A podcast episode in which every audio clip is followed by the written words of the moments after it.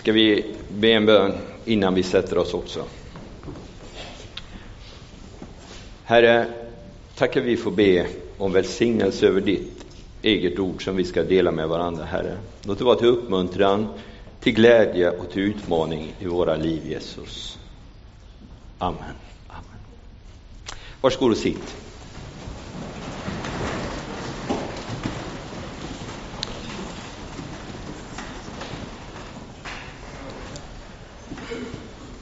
I Johannes evangeliets sjätte kapitel så finns det en fras som jag har gått och stavat på några dagar.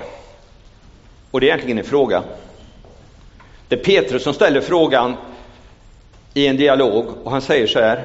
Herre, till vem skulle vi gå? Herre, till vem skulle vi gå? Det är avslutningen på det sjätte kapitlet i Johannesevangeliet. Johannesevangeliets sjätte kapitel är uppbyggt kring först två under. Det första är när Jesus bespisar eller ger mat till 5000 män. Det är det enda under som alla fyra evangelierna berättar om. Och därav så kan man ju enkelt göra tolkningen, någonting händer i det här kapitlet som går lite utöver det vanliga. Det andra undret, det är när Jesus går på vattnet, när de har förflyttat sig. Dialogerna som kommer efter de här två undren är egentligen tre olika dialoger, tre olika samtal. Och på något sätt är de här dialogerna brytningspunkten. Det är ungefär ett år kvar till Jesus ska korsfästas. Eh, hittills har alla kurvor i popularitet och allting pekat rakt upp. Sifo hade haft ett drömläge. Det bara pekar rakt upp. I den här dialogen så händer någonting. Helt plötsligt säger lärjungarna, inte de tolv men andra som var lärjungar, det du säger är för hårt. Vi står inte ut längre.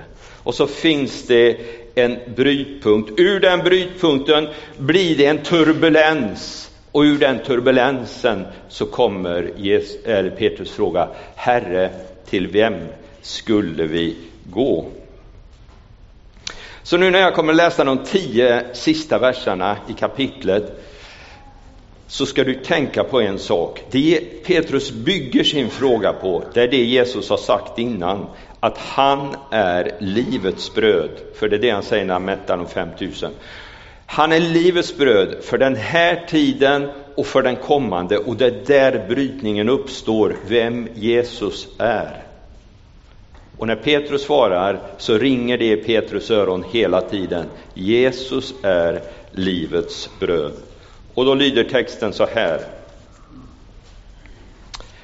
Många av hans lärjungar som hörde honom tala sa Det är outhärdligt det han säger.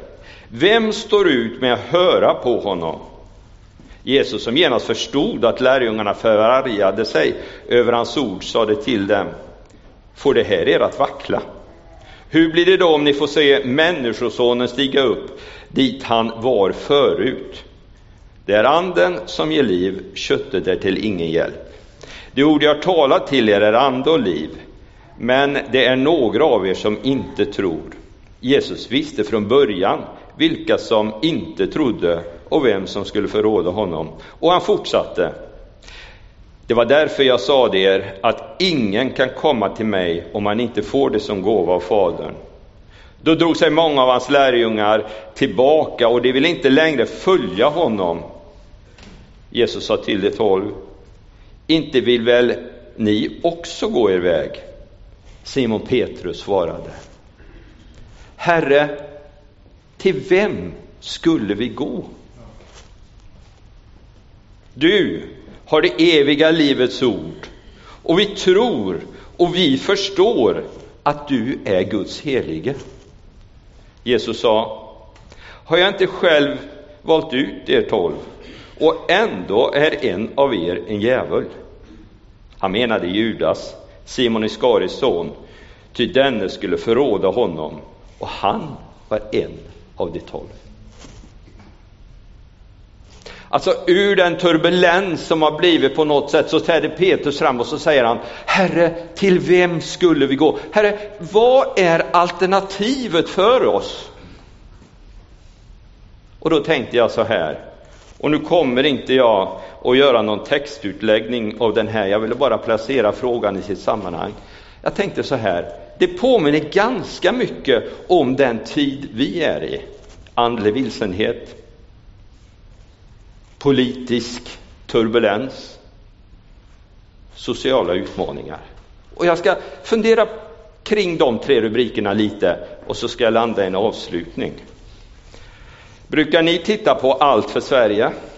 Kan vi få en bekännelse? Allt för Sverige heter det väl med Anders Lundin? Ja, det finns en och annan som är frimodig. Jag ramlar in på det, jag följer inte programmet, men jag kan sitta och titta på det ibland, kan tycka det är lite kul. Ramlar in på det en dag och då la Anders Lundin, han skulle förklara utvecklingen i Sverige, och då la han upp den här bilden som kommer nu. En karta la han upp. En andlig kultur, eller en kulturkarta kan man säga, som är gjort av ett stort eh, som görs ett antal med olika års mellanrum. Den här är från 2015. Det är ett stort institut som gör de här. De frågar ungefär mellan 12 och 1500 i varje land. Massa frågor om värderingar och så vidare. Den undre axeln mäter synen på livet i en rangordning. Om man är längst in där axlarna möts, alltså till höger från er, då handlar det om överlevnad. Och ju längre man kommer på den nedre axeln åt det hållet, handlar det om självförverkling, självkonsumtion, jag själv är i centrum. Om du tar axeln som går upp och ner, så ju längre ner du är, ju mer är traditionella familjevärderingar viktiga, ju mer är religion viktig. Och ju högre upp du kommer, ju mer sekulär blir det. Ju mindre roll spelar familjen, ju mindre roll spelar religion och så vidare. Och så är det ju omöjligt för er att läsa, men vid den röda pilen ligger Sverige. Är ni med? Så långt åt det hållet som du kan när det gäller självförverkligande, när det gäller att sätta sig själv i centrum, när det gäller att ha ekonomiska resurser att röra på sig. Och så högt upp som möjligt för att komma bort från religion, familj och tradition. Där ligger Sverige. Det mäts med jämna mellanrum och det här är 2015. Alltså, vi har i stort sett lämnat det stadie där familj och religion betyder mycket. Vi behöver inte kämpa för vår överlevnad för att ha mat på bordet. Vi behöver snarare fundera på hur ska vi göra slut på pengarna på semesterresor, om jag är lite generell. Hur ska jag sätta sprätt på allting? Vi kan koncentrera oss på självförverkligande och den egna tillfredsställelsen. Kungsholmen, tror jag är, i Stockholm, är världens tätaste område när det gäller enfamiljs, enpersonsfamiljer och så vidare. Jag ska inte trötta er med siffror, men följden av detta kallar vi sekularisering. Vi bor i ett sekulariserat land, ett sekulariserat samhälle. Sekularisering betyder egentligen förvärldsligande eller avkristnande, om du ska översätta det med andra ord. Här är det ingen som har placerat oss. Här har vi placerat oss själva. Det är svenskarna själva som har svarat, det här står vi för. Det är ingen som har gjort en bedömning, utan det är svar på våra frågor. Det är vi själva som säger individens frihet, självförverkligandet. Jag kan resa och göra vad jag vill. Religion, det är en privat sak. Det har inte med andra att göra. Jag vet inte om ni följde nyhetsrapporteringen efter Paris. Där var det väldigt tydligt från vissa reportrar. Religion, en privatsak har ingenting med någonting annat att göra. Vi har bytt värderingar, gått från det som är tryggt och känt, invant, kollektivt, till det som är okänt, okänt och självcentrerat. Då hände det någonting i oss. Och för kyrkans del ligger det nära till hands i den här situationen och tänka eller komma i ett läge att men det var bättre förr. Vi låg längre ner, längre in. Det var bättre förr. Då sjöng vi salmer i skolan.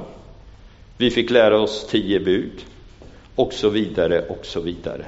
Och ibland så kommer jag på mig ganska ofta och blir så otroligt irriterad på mig själv. För jag säger alltid, ja men förr var det så här, förr var det så här. Precis som jag har några perspektiv på det. Unga pojken. Hör du, det kommer aldrig att bli som förr. Det kommer aldrig att bli som förr. Men det kommer att bli fantastiskt bra i framtiden.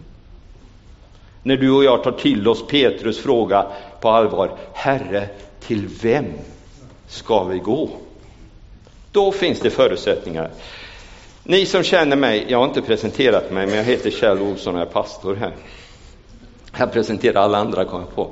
Ni som känner mig, ni vet att jag älskar Excel och älskar statistik och älskar siffror.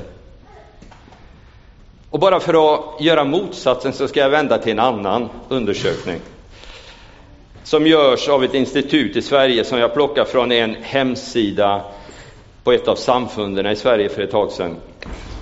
De börjar på samma sätt, de visar liksom hur skilsmässor ökar, hur eh, allt det där går neråt, sekulariseringen. Men så vänder de på det och så säger de ungefär så här, att nu är det faktiskt så att människor under 40 år är mer intresserade av sin frälsning än människor över 40 år. När de svarar på frågor under 40 år så har de högre tal än de som är över 40 år. Detta i ett sekulariserat samhälle. Och så fortsätter de och så säger de så här att det finns någonting som heter knapphetshypotesen som vissa forskare använder. Och det går ut på det här att om det finns lite av en vara så blir den mer värdefull och mer attraktiv att få tag i. Är ni med? Om man då tänker att vi säger, det var bättre förr när vi läste ja, katekesen och allting vad det nu var på 1800-talet eller när det var. Men så vänder vi på det och så tänker vi, om det finns något som heter knapphetshypotesen och vi tror att det är genomsekulariserat, men det ändå finns en del i Sverige, då stiger värdet på det. Och då stiger intresset av det. Och det är kanske därför den yngre generationen säger frälsningen är viktigare än den äldre. Så det kanske inte alltid är bättre förr. Det kanske blir bättre i framtiden.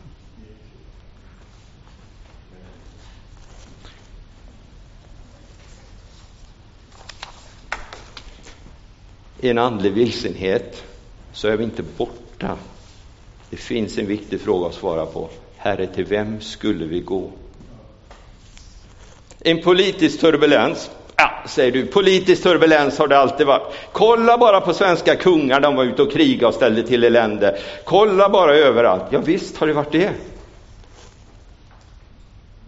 Men den stora skillnaden idag är väl att du och jag i realtid sitter hemma i vardagsrummet eller i köket när du lagar mat och tittar på när man stormar en lägenhet i Paris förorter eller bryter sig in i ett asylboende i Boliden eller försöker rädda flyktingar på Medelhavet som flyr för sitt liv. Eller titta på bilder när nyanlända flyktingar till Sverige i natt får sova utomhus utanför Malmö Migrationsverket för det finns inte plats. Det är turbulent. Eller vi kanske läser politikers förvirrade Twitter som de sen drar tillbaka och ångrar sig. Och vad händer när reportrar hela tiden sågar varenda politiker och varenda kommatecken de sätter fel och drar dem jäms med fotknölarna? Det är inget att undra på om det blir turbulent och konstigt. Vad händer när FNs säkerhetsråd enhälligt bestämmer sig för att nu är vi i krig med IS? Och det som var så långt borta från oss är plötsligt inne i vardagsrummet. Det som vi trodde bara drabba andra är i vårt vardagsrum helt plötsligt. Jag läste idag på morgonen en ledare i Peter och sådana så svårt efternamn i DN så jag kan inte uttala det. Där han säger så här att Tack Matti. Flyktingkrisen är ett större hot mot Europa än vad finanskrisen var för fem, sex år sedan. Inte för att det är omöjligt för Europa att ta emot 1,5 miljoner flyktingar på sina 500 miljoner invånare. Inget problem egentligen. Men problemet är, vi säger vi har öppna gränser, du är välkommen till mig, men inte i mitt, du är välkommen till Europa, men inte till mitt land. Och så kommer inte vi överens och så är det vår egoism som skapar en politisk turbulens. Nu tänker inte jag idag försöka lösa alla politiska gåtor eller frågor kring det som kallas tidens avslutning, utan jag har bara en fråga som jag inte har svaret på, men som du får svara på för dig. I vilken riktning för det här dig? Vilken riktning drar det som händer dig? Är det som Petrus säger, Herre, till vem skulle vi gå? eller är det en annan riktning. Nu kommer min tredje och sen kommer avslutningen och sen ska det vara en fantastisk förbönstund. Om den första var andlig vilsenhet och nummer två var politisk turbulens så är nummer tre i sociala utmaningar. Vi kan väl bara konstatera, så vi har gjort det som grund, att Sverige är ett fantastiskt land att bo i. Vi ska vara så lyckliga en av världens högsta levnadsstandard, yttrandefrihet, tryckfrihet, religionsfrihet, ett välfärdssystem som de flesta i världen ser med fullständig avundsjuka på. Vi gör humanitära insatser och ger bistånd som är i topp i världen. Möjligen är Norge vassare än oss. Sen är det vi. Det är fantastiskt. Samtidigt så står vi inför gigantiska utmaningar i vårt land. Om du återvänder, vi tar inte upp bilder, men om du bara kan kalla fram den där kulturkartan som jag la i början, där Sverige var vid den röda pilen, så har vi lämnat det kollektiva och gått mot det individuella, vilket skapat ett av de största samhällsproblemen som finns. Ensamhet och utanförskap som en konsekvens. Ensamhet, säger vissa, är ny, en av de nya folkhälsoriskerna. Ensamhet är ju underbar. Tänk i morse. Jag hade satt klockan och så ställde jag om den tre gånger så jag gick upp halv fem. Så bryggde jag kaffe, så åt jag två mackor i morse. Och så satte jag timern och så hade jag en halvtimmes bön. Och sen satte jag mig vid skrivbordet. Alldeles tyst i huset plita in några, tre några ord till i min predikan eller försök till predikan idag. Gick igenom den lite grann, läste lite på nätet, hade lite upplagsböcker framme. Tittar ut genom fönstret, ser hela Skogarp med ljuset bort i Habo och så vidare. Där sitter jag, det är tyst i huset. Det är helt underbart. Vet du varför det är underbart? För jag har ett alternativ till det. Jag får vara här nu, mitt ibland människor. Hade jag bara haft mitt rum hemma och inget alternativ, då hade det inte varit underbart. Då hade det varit ett helvete av ensamhet. Och så har människor det idag. Ensamheten är en lyxvara när du kan välja den. Men det är ett helvete när du inte kan välja bort den. Tänk på det. En annan akut utmaning är flyktingströmmarna som når vårt land. Då tänker inte jag i pengar utan i socialt hänseende. Jag tänker på alla människor som riskerar sitt liv i månader på flykt. Alltså man hör berättelser bara i vårt lilla samhälle, de har varit från varandra fyra år och så möts de helt plötsligt i Sverige, bröder eller syskon. Det är en utmaning för oss. Det är också en utmaning, som ni har sett av vår skrivning om här, att inte ta av biståndet som ska gå till de allra fattigaste för att finansiera det som hände på hemmaplan i samma tidsperiod som vi väntar slå nytt rekord i julhandeln igen.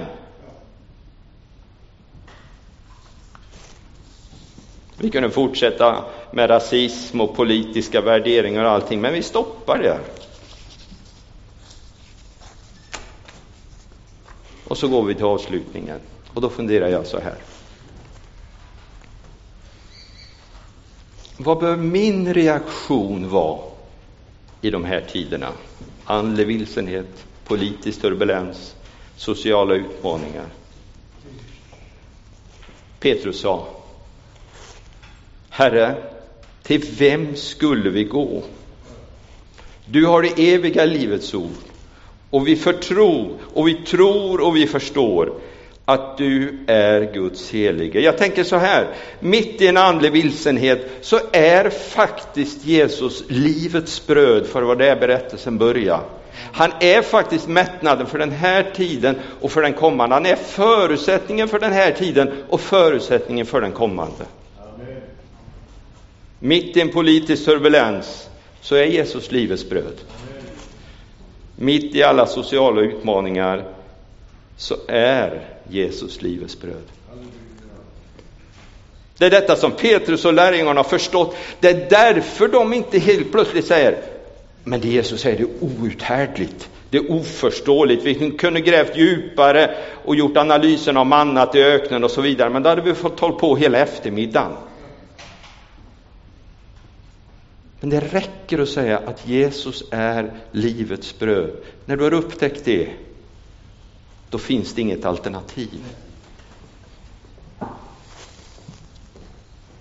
Det är detta som Petrus och lärjungarna har förstått.